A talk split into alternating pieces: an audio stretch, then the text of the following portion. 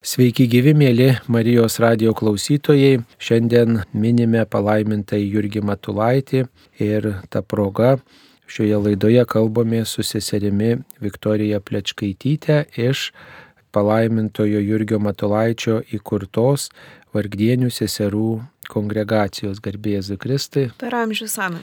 Taigi, mielas sesė, sveikinu Jūs šios dienos progą, kadangi Jums tėvas Jurgis, palaimintasis Jurgis Matulaitis yra labai artimas, nes įkūrė Jūsų bendruomenę, kuriai priklausote. Ir turbūt prisimindami, kad 1927 metais sausio 27 dieną Kaune mirė palaimintasis, tuomet tik arkivyskupas Jurgis Matulaitis sulaukęs 56 metų. Gal reikėtų mums daugiau priminti mūsų Marijos radio klausytojams apie šią asmenybę, perbėgti trumpai jo biografiją, kad mūsų klausytojai prisimintų apie šį vyrą ir taip pat tie, kurie gal pamiršo, geriau įsidėmėtų, kurie nežino, turėtų progą susipažinti su šiuo palaimintuoju. Palaimintasis Jurgis gimė 1871-aisiais. Iš tiesų, tuo metu Lietuva dar buvo caro okupuota, caro imperijos dalis. Ir tas faktas visai ženklino jo gyvenimą, jo brandą, jo pasirinkimus gyvenime. Tikras suvalkėtis, Marijampolės artumoje gimęs ir augęs. Iš šeimos keletas svarbių patirčių atsinešęs viena vertus mažiuko pagranduko, numylėto jauniausio vaiko šeimoje patirtį kita vertus anksti netekusio tėvų našlaituko patirtį būdamas dešimties jau nebeturėjo nei tėvelio, nei mamytės ir toliau augo vieno iš vyriausių brolių šeimoje, savo tėviškiai, bet jau brolio šeimoje. Netoli Marijampolės lūginės kaime, prie Šešupės. Taip, taip prie Šešupės, tokia gražioje vietoje, ant upės kranto, ant upės vingio, iš tikrųjų ir dabar ten yra koplyčia, kur galima važiuoti, būti, ypatingai vasaros metu yra gera gamtos apsupty, mąstyti Dievo dalykus, Dievo darbus žmonių gyvenimuose. Mokėsi Jurgis Matulaitis garsiojo Rygiškio Jono gimnazijoje ir va ten iš tiesų jį visam gyvenimui paženklino lietuviškumo akcentas, sakykime, taip ir, ir didžiulė meilė Lietuvai ir daugiau negu meilė, bet nuoširdus rūpestis vėliau be atgimstančią Lietuvą, priklausomybę atgaunančią Lietuvą ir visokiais jos reikalais. Ir netgi ir jo didžioji pasija vienuoliniam gyvenimui tam tikrą prasme ryšosi su jo pasija Lietuvai, nes ir pats rinkosi tapti vienuoliu Lietuvoje, nors galėjo daryti visai kitaip. Ir darbavosi tam, kad toje caro priespaudos nualinto Lietuvos bažnyčioje šitą realiją pašvestasis gyvenimas gyvenimas iš viso išliktų, gyvuotų, vėl iš naujo atgytų, auktų. Tai pirmas jo darbas, aišku, tėvai Marijonai, jų vienuolijos atnaujinimas ir išlaikymas. Vienuolijos, kuri šiandien veikia turbūt 20 pasaulio įvairių valstybių, jeigu neklystu, apie 500 narių turėdama. Ir vėliau mūsų vienuolijos įsteigimas, pirmosios Lietuvoje įsteigtos vienuolijos pakvietimas būti iš tiesų. Vėliau lygiai su ta pačia intencija kitos seserys jau Baltarusijoje, tuometiniai kaip vadindavo Gudijoje, Jėzus, seserys Jėzaus Euharistijoje tarnaitės. Ir čia toks didžiulis šuolis į jo gyvenimo vėlesnę dalį. Kitas momentas, ką Jurgis išsinešė visam gyvenimui iš savo vaikystės ir paauglystės, tai lyga, kuri keliavo su juo vėliau per visą gyvenimą. Maždaug nuo 15 metų Jurgis Matulaitis sirgo kaulų tuberkuliozę. Ilgą laiką pats nežinojo, kas jam yra, tačiau kentė ganėtinai sunkius simptomus, nepatogius, kojos skausmus, vėliau ir rankos skausmus. Ir būdamas maždaug 30 išgyveno labai realią grėsmę gyvybei, ir akistatą su galimybė netekti kojos, pavyzdžiui, gydytojai darė konsiliumus, diskutavo, ar nereikėtų amputuoti tam, kad išsaugoti gyvybę. Tame kontekste keletą tokių labai įvairių patirčių. Viena vertus paties trapumo ir silpnumo, kita vertus Dievo gailestingumo ir vienam ir kitam ir toje vargšo našlaičio situacijoje, kurį viešpats vis dėlto išvedė ir iš tokių tartum be išeities situacijų ir vis tik leido ir mokytis, ir siekti kažko gyvenime, kur tam tikrų metų atrodė, kad tai nebus įmanoma. Ir dėl lygos, ir dėl tos našlaičio situacijos. Dėl lygos vėlgi jau tada 30 metų vyro gyvenime tos kelios patirtys, kaip sakau, paties savo trapumo, ribotumo, laikinumo, šito gyvenimo, laikinumo, iš viso šitame gyvenime santykio su kančia, su skausmu, savu ir svetimu, bet taip pat Dievo gailestingumo ir malonės per kitų žmonių prisilietimus, per kitų žmonių atviras mylinčias širdis. Tėvas Jurgis ne tik buvo kunigas ir siekė savo kunigystės va tokią ganėtinai brangią kainą ir sudėtingomis aplinkybėmis, ne tik darbavosi dėl Lietuvos, ne tik tapo vienuoliu pats ir skatino, ugdė vienuolinį gyvenimą ir tikrai degė meilę jam visą gyvenimą ir ieškojo giliausių prasmių tame pašaukime. Taip pat jis buvo ir akademikas, jis buvo teologas, turėjo teologijos daktaro laipsnį, kurį gavo Šveicarijoje, Friburge dėstė keletoje aukštųjų mokyklų, bet iš tikrųjų didžiausia jo akademinės karjeros dalis, kuri šiaip jau nebuvo iš viso labai ilga, praėjo Petrapilėje dvasinėje akademijoje, kur švietėsi dauguma tuo metu šviesiųjų išskirtiniųjų asmenybių kunigų. Kitas momentas tėvų Jurgio biografijoje tapimas Vilniaus vyskupų labai netikėtas, neplanuotas, visiškai ne pagal jo paties širdies polinkius ir labai išryškinantis jam labai būdingą jo asmenybei dalyką, didžiulį atvirumą Dievo valiai, įsiklausimą į tai, ką Dievas daro gyvenime ir gebėjimą priimti situacijas, kai Dievo valia atrodo tikrai labai keista, nelogiška žmogiškomis akimis žiūrint, kai reikalauja didžiulio savo planų pakeitimo ir prieimimo gyvenimo posūkių, kurie ir gazdina, ir atrodo visiškai neprasmingi, negalintys atnešti vaisių. Ir va tai yra situacijos tėvo Jurgio gyvenime, per kurias ypatingai atpažįstame vaisingumą tokio pasidavimo Dievo vedimui ir pasitikėjimo, kad Dievas daro tai, kas yra tikriausia ir tiksliausia. Sekantis labai panašus epizodas tėvo Jurgio gyvenime po septyniarių metų tarnystės Vilniuje paskirimas paštaliniu administratorium Lietuvoje su tikslu derinti ir tvarkyti nepriklausomos Lietuvos diplomatinių santykių su Vatikanu. Apaštalinis vizitatorius. Apaštalinis vizitatorius, formavęs Lietuvos bažnytinę provinciją ir paruošęs konkordato projektą. Niekad nesiruošęs diplomatiniai tarnystai, likus gal dviem mėnesiam iki to paskirimo vienam laiške parašęs, kad labiausiai gyvenime noriu eiti ramaus, paprasto darbo keliu, nenoriu jokių diplomatijų, jokių reikšmingų postų, titulų, kažkas panašaus cituoju laisvai, bet ten tikrai yra žodis diplomatija. Tokių kuriozų tėvo Jurgio gyvenime tikrai netrūko, bet ne patys kuriozai yra esmė, bet kaip tėvas Jurgis gebėjo juose ieškoti ir atrasti Dievo valią ir taip gyvendamas iš tikrųjų nešti tokius vaisius, kur savo paties žmogiškom pajėgom greičiausiai niekad nebūtų nei įstengęs, nei sugebėjęs, nei pagalvot pagalvojęs. Taip labai įdomu, kad tapimas vyskupu palaimintų Irgio Matulaičio biografijoje sutampa su Lietuvos nepriklausomybės paskelbimu. Štai Lietuva tapo nepriklausoma 1918 metais vasario 16-ąją, o Jurgis Matulaitis vyskupų pašventintas 1918 m.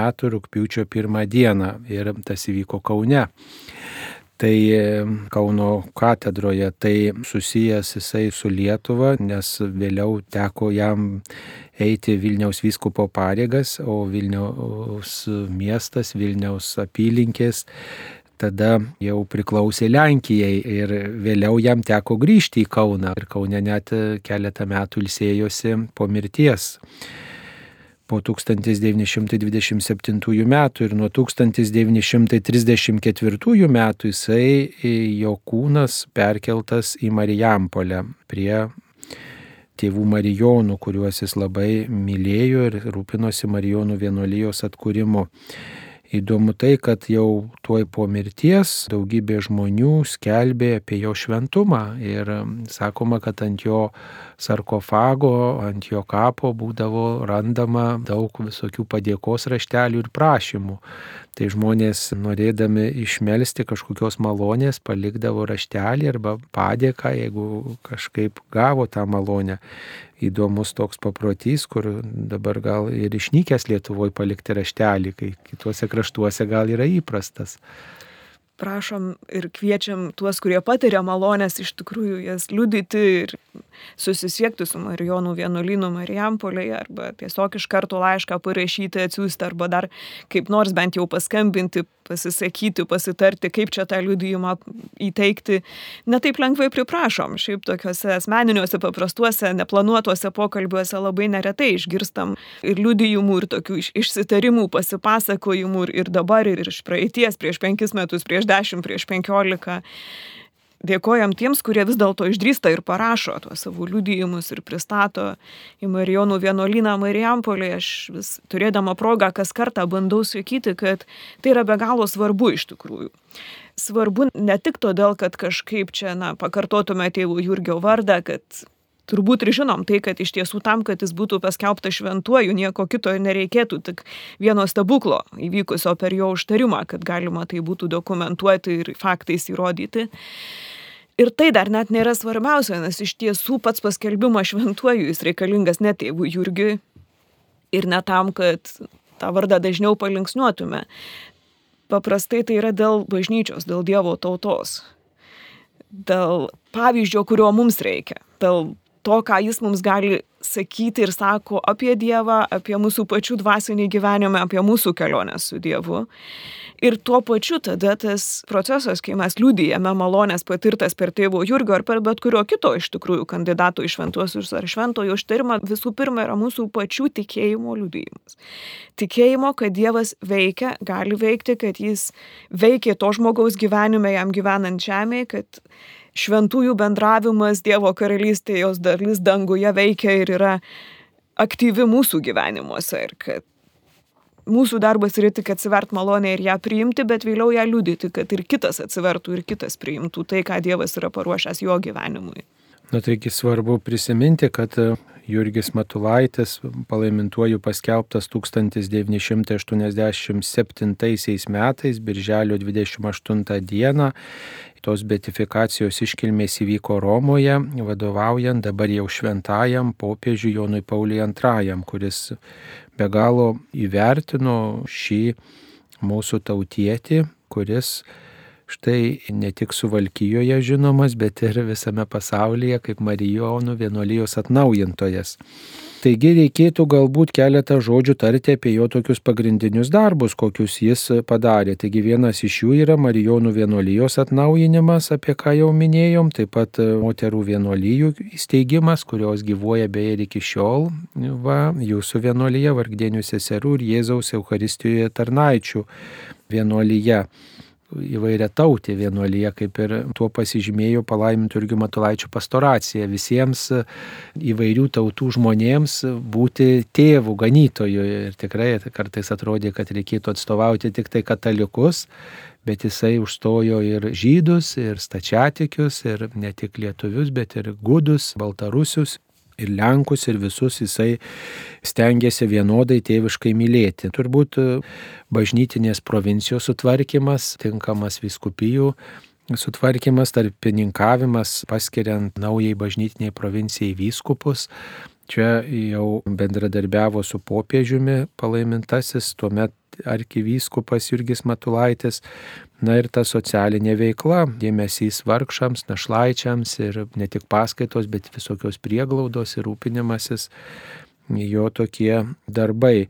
Na, galbūt šitoj laidoj mes taptelkime ties tokiu dvasiniu jo gyvenimu. Žinom, jeigu jis buvo Marijonų vienuolijos atnaujintojas, narys, tai aišku buvo dėmesys švenčiausiai mergeliai Marijai, tokia ypatinga pagarba bet kaip kunigas, kaip vyskupas, jisai taip pat e, turėjo taip pat tam tikro dvasingumo būdą ir tam tikrus principus. Tai gal šiek tiek tarkime keletą žodžių apie jo paliktas konferencijas, kurias e, galime dabar skaityti, šifruoti ir taip pat kai ką panaudoti ir šiems laikams.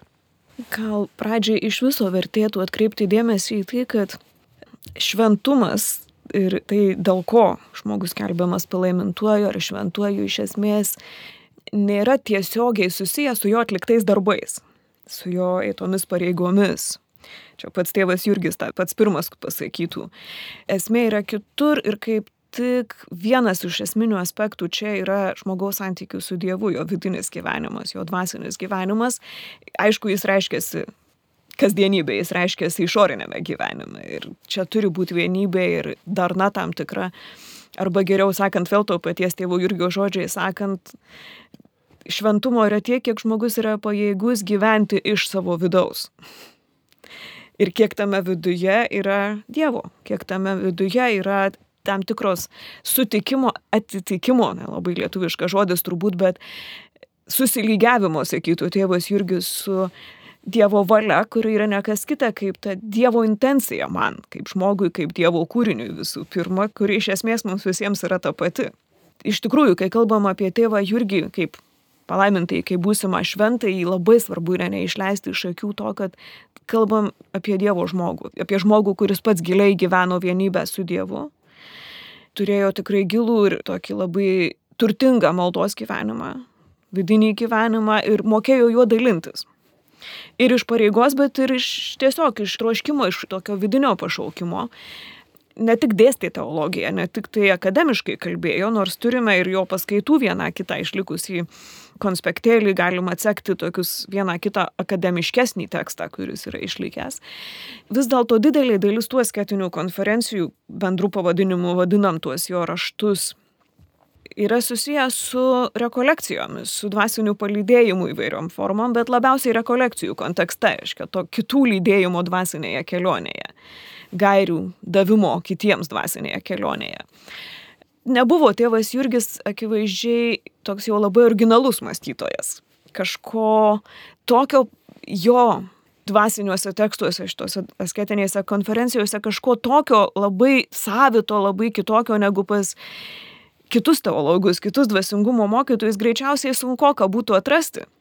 Bet kas juose žavi iš tikrųjų ir man regis, kame yra jų didžioji vertė, yra jo paties gebėjimas išvelgti vertingiausius dalykus tarp jau esančių bažnyčios išmintyje, jais pačiam gyventi ir tada labai aiškiai jau išgyventais dalintis, juos pristatyti, jų reikšmę, prasme, jų vietą parodyti, tartum paduoti kitam ir sakyti, žiūrėk, čia yra geri įrankiai tam tikslui, kuris mums visiems yra bendras, kuris yra svarbus. Taip, tai svarbu naudotis tuo paveldu, tą klasiką, kuri tuo met, kai gyveno Jurgis Matulaitis ir dabar yra įdomi, aktuali ir svarbi. Ir tikrai jo paliktuose raštuose galima atpažinti tokių dalykų, kuriuos vertino ir kiti šventieji ir palaimintieji. Tai tas nėra tik teorija vienas ar kitas principas, bet ir palaiminto Jurgio Matulaičio išgyventa.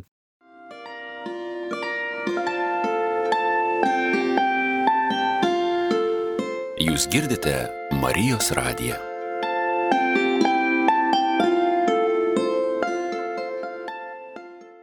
Šioje laidoje mes, tarkim, keletą žodžių apie vieną tokią konkrečią sritį, kuria taip pat domėjosi palaimintasis Jurgis Matulaitis apie sąmoningą pasirinkimą, apie sąmoningo pasirinkimo svarbą gyvenime. Dažnai, kai reikia kažką rinkti, svarbu mums suprasti, kodėl tą turiu rinktis, kaip teisingai pasirinkti, kaip nesuklysti ir turbūt kuo vadovautis renkantis. Tiesiog palaimintasis Jurgis Matulaitis apie tai irgi svarstė, jam pačiam reikėjo rinktis ne kartą labai atsakingus sprendimus daryti ir taip pat jis ir kitiems bandė patarti. Taigi, tarkime keletą žodžių apie tą sąmoningą pasirinkimą pagal palaimintą Jurgį Matulaitį.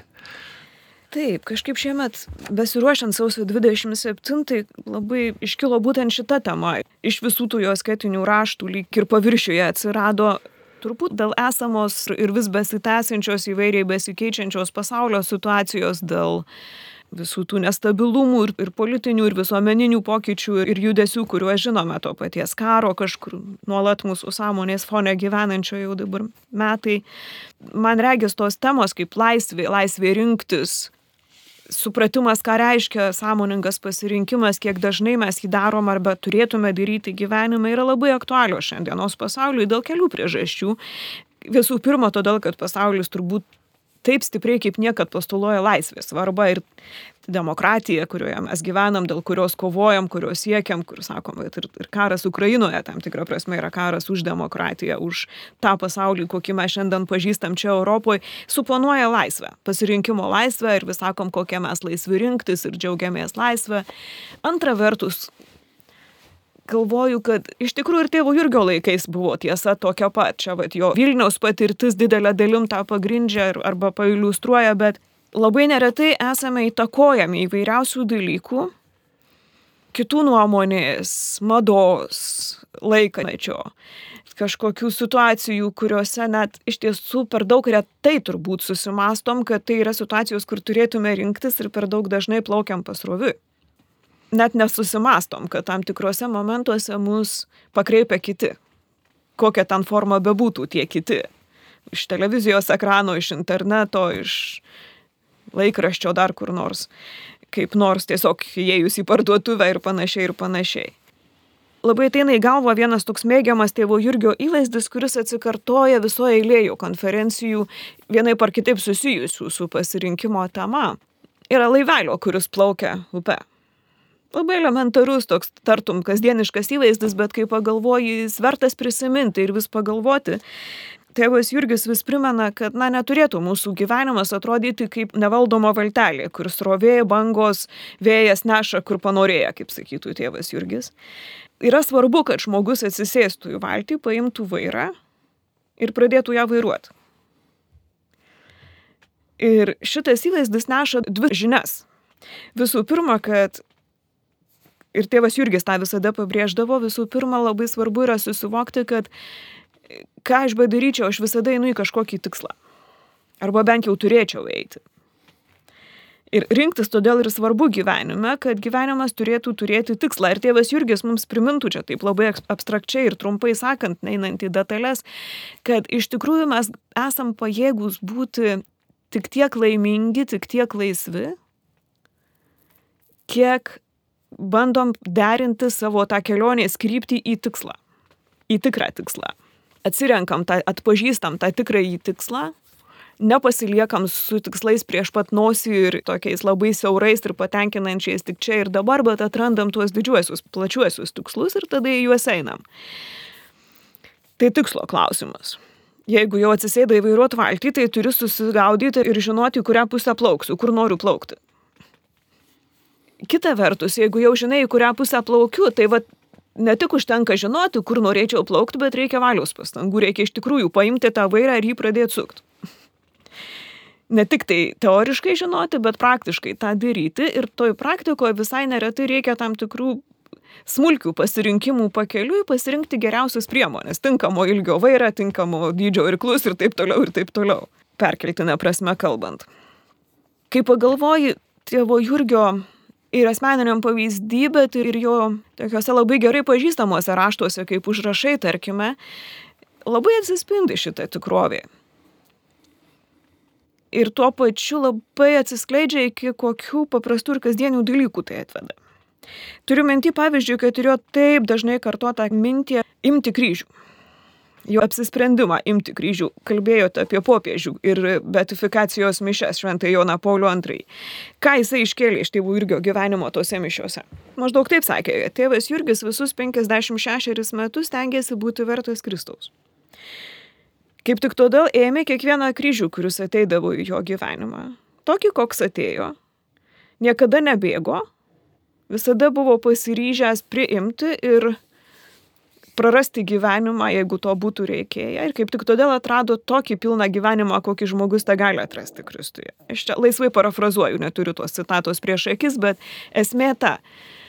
Labai seniai galvoju apie tai, kad šitą realiją tėvo Jurgio gyvenime, kuri nekarta prasišviečia jo užrašuose tiesioginę prasme, kai jisai sako viešpatė, imsiu tavo kryžių, kaip kitaip tau atsidėkosiu, imsiu tą kryžių, kuris ateina konkretūs faktai jo gyvenimo kalba apie tą ėmimą, bet žiūrėkit, po tuo ėmimu juk yra apsisprendimo momentas, pasirinkimo visų pirma.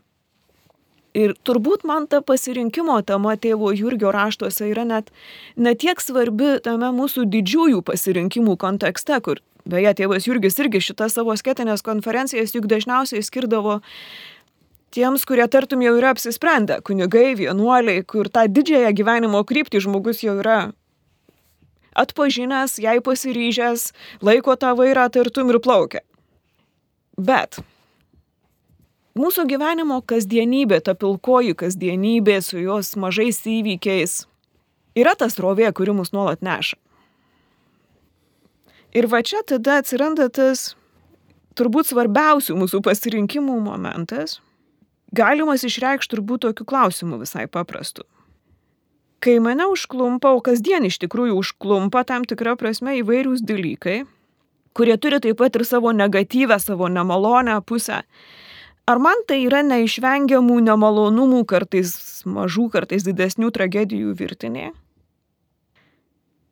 Ar tai gali tapti mano, taip, mano pasirinkimu?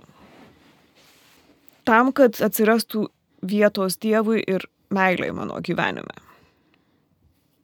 Man rodos, čia yra labai svarbi vieta, kur iškyla tas pasirinkimo svarbos momentas, nes iš tikrųjų tai dažniausiai instinktyviai arba nesusimastydami plaukiam taip, kaip gyvenimas neša ir dar gerokai paburbom, kad jis neša taip, o ne kitaip. Ir tada iš tikrųjų išgyvenam tuos gyvenimo įvykius ir įvykėlius kaip tokius neišvengiamų blogybių virtinę. Užuot padarę tai sąmoningų pasirinkimų. Ir tokiu būdu atvėrę savyje ir savo gyvenime erdvės Dievui. Tėvas Jurgis mums labai neretai ir savo pavyzdžių, ir tais raštais asketiniais primena, kad nuolat esam kviečiami iš naujo pažiūrėti į savo kasdienos reikalus, veiklas, veiksmus ir kasdien iš naujo juos pasirinkti, apsispręsti jiems, jiems įsipareigoti. Tai yra labai paprasta, bet tai iš tikrųjų atveria erdvę Dievo dovanai mūsų gyvenimuose. Priešingą atveju liekam bambėtojais amžinai nelaimingais dėl ko nors. Ir nepastebim dalykų, kuriuos Dievas iš tikrųjų nori ir gali duoti mums mūsų gyvenimuose. Vienas toks įdomus dalykas, kai renkamės, turbūt svarbu melstis. Palaimintasis Jurgis Matulaitis apie tai kalbėjo apie maldą, apie Dievo valios ieškojimą, kad svarbu ieškoti ne savęs, ne kitų čia nuomonių paisyti, bet ko viešpats iš manęs nori tai atrasti, kad atpažinčiau viešpaties valią. Ir vienas iš būdų yra tai tam tikras toksai neprisirišimas prie pasirenkamų dalykų, neutralumas arba kitaip žodžiais tariant indiferentiškumas. Pasirengus svarbu būti ir priimti teigiamą sprendimą ir neigiamą. Kitaip sakant, kad vienas kažkuris nebūtų man čia kažkuo toksai svarbesnis, simpatiškesnis, bet tas toksai, na, iš tiesų pasverti visas galimybės. Gal kažkaip daugiau galima apie tai pasakyti, ar svarstėt, pavyzdžiui, mėginot, kada va tokį pritaikyti principą iš palaimintojo Jurgio Matulaičio gyvenimo patarimų, tiesiog, kad e, ta neutrali pozicija, kuo jinai svarbi ir kodėl kartais svarbu ją taip užimti. Iš tiesų klausytojai, kurie yra bent šiek tiek pažinę Švento Ignaco dvasingumą, atpažins, kad šiuo atveju tėvas Jurgis tikrai nėra originalus ir beje visose tose tame modelyje arba taisyklėse, kurias tėvas Jurgis siūlo geram pasirinkimui padaryti, sąmoningam pasirinkimui padaryti labai aiškiai yra ignaciškojo dvasingumo įtaka, jis tikrai nėra originalus, juo labiau šitoje neutralios pozicijos arba indiferencijos srityje. Taip, tai iš esmės čia kalba eina apie tai, kad kai reikia rinktis didesniuose ar mažesniuose dalykuose, esame kviečiami būtent būti pasirengę priimti ir vieną ir kitą galimą variantą, kas visų pirma suponuoja, kad turim susivokti, kad iš viso visada yra du variantai tam tikrą prasme. Kai kažkam sakau taip, kažkam turiu pasakyti ne tuo pačiu. Arba kai kažkam sakau ne, vadinasi, kažkam sakau taip jau tai yra visai geras dalykas išeinant šitame indiferencijos arba neutralios pozicijos prieimime, kad tai visų pirma gražina mane į tą samoningumą, kad pasirinkimas visada turi du polius. Rinkdamasis kažką, aš kažko atsižadu ir atvirkščiai. Kažko atsižadėdamas kažką pasirenku, kažkam sakau ne, kažkam sakau taip. Antra vertus, labai žmogiška ir paprastai išmintis po šituo slypi žmogiška yra turėti iš ankstinius nusistatymus. Mes negyvenam tik šitą momentą. Nežiūrint to, kad dvasinio gyvenimo žinovai labai patarė stengtis kiek įmanoma gyventi čia ir dabar. Neklaidžioti ten praeitį kažkur ir nenubėgti toli į ateitį, būti čia. Bet kita vertus, jie turbūt todėl tą taip ir pabrėžia, kad labai gerai žino, kad mes nešame į savo praeitas patirtis ir mes nuolat kuriam ateities vizijas. O tiesą sakant, nesam nei vieno, nei kito šeimininkai. Todėl norint padaryti tikrą motivuotą sprendimą, kuris vestų į mano tikrąjį tikslą, kas iš tikrųjų yra, kaip pačioje pradžioje sakėm, tas bent šioks toks susilygiavimas su Dievo valia man kaip Dievo kūriniu. Yra kiek tik pajėgiu paleisti save savo tas ankstesnės patirtis, galbūt kažkokias nuoskaudas, ar kaip tik didžiulius pasisekimus, ar žinojimus, išmoktas teorijas ir panašius dalykus. ir pabandyti kiek įmanoma neutraliau žiūrėti į tuos du pasirinkimus, kurie stovi prieš mane, su atvirumu, kad gal ne aš geriausiai žinau, kuris yra geresnis. Kad būtent Dievo išmintyje yra atsakymas į tai, kas yra man geriau kaip Dievo kūriniui, nes išeities taškas šito viso pasirinkimo modelio, kurį siūlo tėvas Jurgis, yra nekas kita kaip sustojimas kiek tik įmanoma nuoširdžio toje realybėje, kad esu Dievo kūrinys. Visų pirma, esu Dievo kūrinys, esu jo rankoje, esu iš jo išėjęs į jį einu. Čia labai susijęs su ta pagrindinės krypties tema, apie kurią irgi jau kalbėjom. Nelengva tas indiferencijos momentas, nelengva iš tikrųjų pasakyti nuoširdžiai, sakyti viešpatie, ko tu nori. Kas yra tavo mintį? Aš pasiruošęs priimti ir vieną, ir kitą. Jeigu suprasiu, aš pasiruošus tikėti, žinoti, kad ir šitai man gali būti gerai, ir šitai gali būti gerai. Jeigu tu pasakysi šitai, bus šitai. Jeigu šitai, bus šitai. Ir aš būsiu vis tiek laiminga. Dažniausiai aš jau iš anksto žinau, kad aš būsiu laiminga tik taip, o jeigu bus šitai, būsiu baisiai nelaiminga. Bet kita vertus, jeigu mes pakratom savo patirtis per gyvenimą, bent aš žinau, kad aš tikrai turiu pati savo kailiu, ne vieną ir ne du įrodymus savo momentus, kur gyvenime žinojau, kad kai išdrįsau priimti Dievo pasiūlymą, sakykime taip, kuris man netrodė logiškas tuo metu tikrai ne tai, ką aš būčiau pasirinkus. Tikrai ne vieną kartą esu Dievo nustebinta jo išradingumu ir gavusi tiek, kiek nebūčiau niekaip gebėjus pati pasiimti. Nes iš tikrųjų per tuos tokius ne visai patogius arba priešingus mano patogumui pasirinkimus, tada kai Dievui leidžiu mane truputį išstumti iš mano patogių ribų, galiu aukti kaip pirmą sakiau, kad kai netgi ir sąmoningai priimdami kasdienos nemalonumus, užuot gyvenę su jausmu, kad čia yra neišvengiamų blogybių lavina, duodame erdvę Dievui. Ką tai reiškia? Tai reiškia, kad leidžiamės išstumiami iš savo patogumo ribų ir per tai auginami. Nes kitaip mes neaugom, mums reikia būti išstumtiems iš patogumo ribų. Apie tai yra šitas pasirinkimo klausimas palaimintasis Jurgis Matulaitis kviečia stovėti giliam tylėjime prieš Dievą ir tarsi laukti to atsakymo, kuris iš Dievo ateina, bet jis dažnai ateina iš Dievo per mūsų giliausius širdies troškimus ir palaimintasis siūlo dėmėti širdies judesius.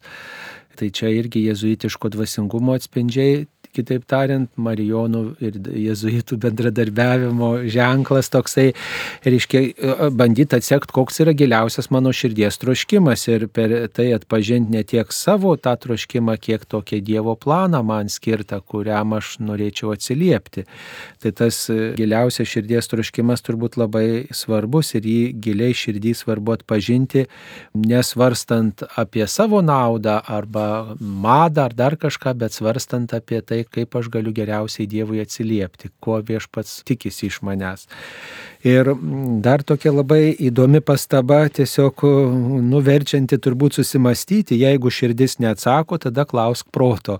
Tai truputį ir nustebina šiek tiek, ar ne, kad širdis neatsako. Nu kartais žmonės sako, kad jeigu jausmai tyli, širdis tyli, troškimų net pažįstu, ką tada daryti tai palaimintasis kviečia klausytis proto, bet čia turbūt irgi yra nemaži iššūkiai, kad protas vat, gali ne visada teisinga linkme nukreipti. Lygiai taip kaip ir širdies gali neišgirsti autentiškai ir sustoti nenusileidęs iki tos pačios germės. Beje, man kol pats kalbėjau, atgrįžo į atmintį, arba iš tikrųjų dažnai pareina labai įdomi viena tėvo Jurgio frazė šią aptikau lenkiškam vienam jo tekste ir visai bandžiau versti ir bandžiau save tikrinti, gal aš čia ką netaip skaitau, bet iš tikrųjų, kai tėvas Jurgis kalba vat, apie tą stovėjimą tyloj prieš Dievą, klausimąsi savęs, jis turi kitą frazę - pakilti į save iki pačios gelmės. Ir turi konferencijoje vienoje tokį įspėjimą, tą savotišką, kad kai jis tą sako, jis sako, kad reikia eiti iki savęs centro neužtenka paviršiui pasidairyti. Va čia ir yra, kiek mes leidžiam savo įeiti giliai ir čia tėvas Jurgis turi konkretumą, apie ką jis čia kalba - motyvai ir intencijos. Ten yra šaltinis mūsų veikimo, mūsų mąstymo, mūsų visako. Tai čia su šita širdim pakilt į save iki pačios gelmės. į tą savo gražų vidų, jis nėra duobė, nėra bala, yra kažkas, į ką reikia kilti, bet tuo pačiu iki pat gelmės, iki ašies.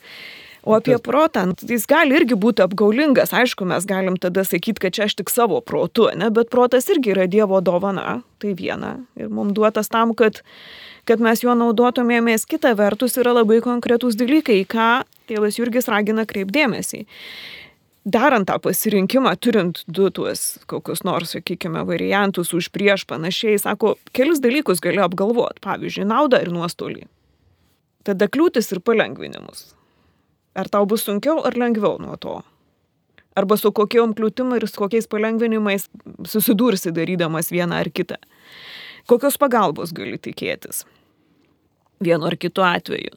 Bet ką tėvas Jurgis primena, kai šitą galvosi, sversi tartum, kaip jisai sako, nauda nuostolis, kliūtis palengvinimas. Sako, dėk visą tai ant amžinybės svarstyklių. Čia kita tėvų Jurgio mėgiama frazė, mes ją žinom jau iš užrašų, jis keletą kartų kartuojam žinybė šviesoje, žiūrėti viskam žinybė šviesoje. Čia ir vėl to tikslo klausimas.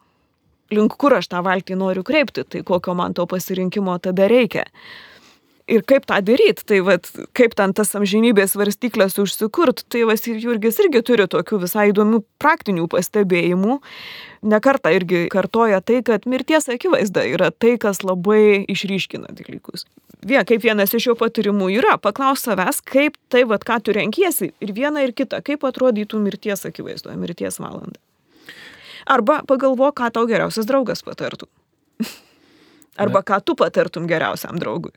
Tai čia, kai mes širdies negirdim, o norim vis tiek sprendimą priimti ir proto logika, kokia mums čia kalba, tie trys klausimai, tos trys kryptis labai gali padėti, ką patarčiau draugui, ką rinkčiausi mirties valandą būdamas ir jeigu jau Dievo teismas būtų, ką viešpats pasakytų ir kaip tą mano pasirinkimą vertintų amžinybėje.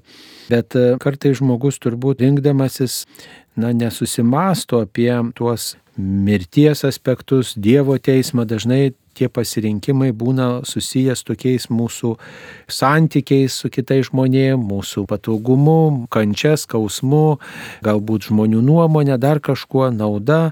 Ir tai turbūt dažniausiai trukdo pasirinkti teisingai.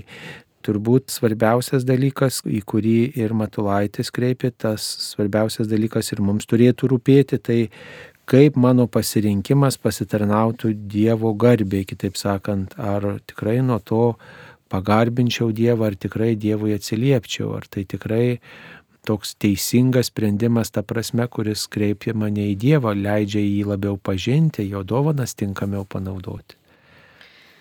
Aišku, kad taip, irgi nėra taip jau labai paprasta savo tą klausimą užduoti ir jį autentiškai atsakyti. Ir šitas klausimas kartais gali atrodyti toks, na, per šventas, per didelis, per iškilmingas, na, Dievo garbė. Bet iš tikrųjų tai labai tikra yra tai, kad ir į tai mus pragražina, arba čia šitoje vietoje grįžtam į tą geriausiai žinomą dalyką apie tėvą Jurgį jo šūkį - nugalėk blogį gerumu. Iš tikrųjų visi dvasios mokytojai, tiek kiek bent aš ten vos paviršiu jos pažįstu, tiesą sakant, bet tiek kiek pažįstu, suprantu, kad vienu balsu teigia, ir iš tikrųjų tokia yra krikščioniškoji išmintis ir žvilgsnis į žmogaus tikrovę, kad mes tie galime turėti įtakos pasauliui, daryti jį geresnį arba blogesnį, kiek apsisprendžiame atitinkamai tvarkyti savo pačių vidų visų pirma. Mes turim galimybę tą mažinti blogio ir didinti gėrį savo širdyje čia jau ne tėvas Jurgis, čia kryžiaus Jonas visai neseniai girdėjau vieno profesoriaus pamastymus apie kryžiaus Jono teologiją, bet man labai daug kas iš tikrųjų klausiausi ir galvojau, aš tą jaučiu iš tėvo Jurgio, man atskamba dalykai.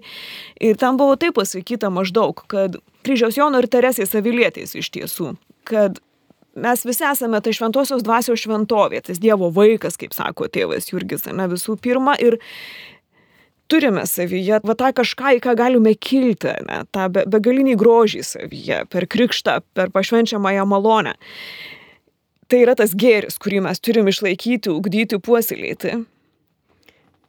Bet jeigu mes leidžiam blogiui po truputį jį valgyti, tai atsitinka keistas dalykas, kad ne tik tai tos šviesos mažėja, bet tam tikrų momentų mes galime tapti kaip tos juodosios skylės, kur sirbam gėrį iš aplinkos ir jo mažinam, arba jeigu mes iš tikrųjų puoselėjam ir ugdom savį tą šviesą, tos Dievo karalystės, tos šviesos tampa daugiau.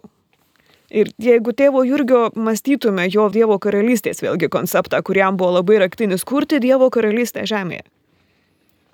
Ta kūryba vyksta mano širdį. Paskui jau ten iš to vidaus, iš to vidinio gyvenimo ateina dalykai, kurie gali vykti ir turi vykti ir išoriai. Bet pradžia yra mano širdies vidus.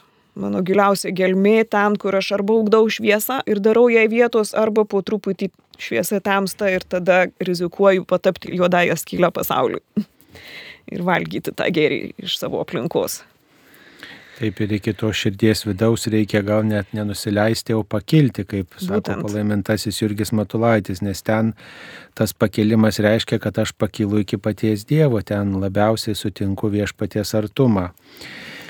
Mėly Marijos radio klausytojai, šioje laidoje kalbėjomės apie palaimintą Jurgį Matulaitį, prisiminėm jo gyvenimo istoriją ir taip pat kalbėjom apie vieną jo konferenciją, apie pasirinkimus, nes mums taip pat aktualu tinkamai pasirinkti ir kuo remiantis reikėtų mums sąžiningai pasirinkti, atlikti tam tikrus sprendimus, ieškant Dievo garbės, ieškant savo ir kitų išganimo, sprendimą priimant Dievo žvilgsniu ir klausantis tikrai giliausių širdies troškimų ir tikrai keliant rimtus tikslus ir svarstant apie tai, kaip mano sprendimai vertintų pats viešpats.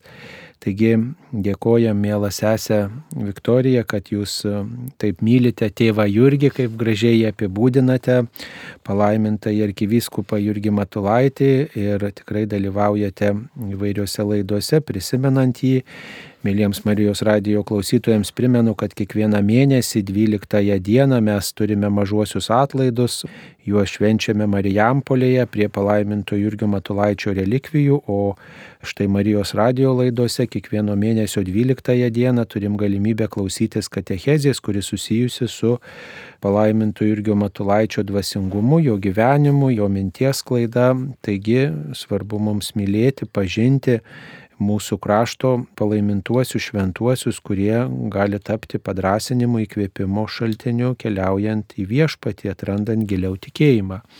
Tai ačiū, mėla sesė Viktorija, te laimina viešpats, te globoja palaimintasis Jurgis Matulaitis jūs ir visus mūsų klausytojus šioje laidoje.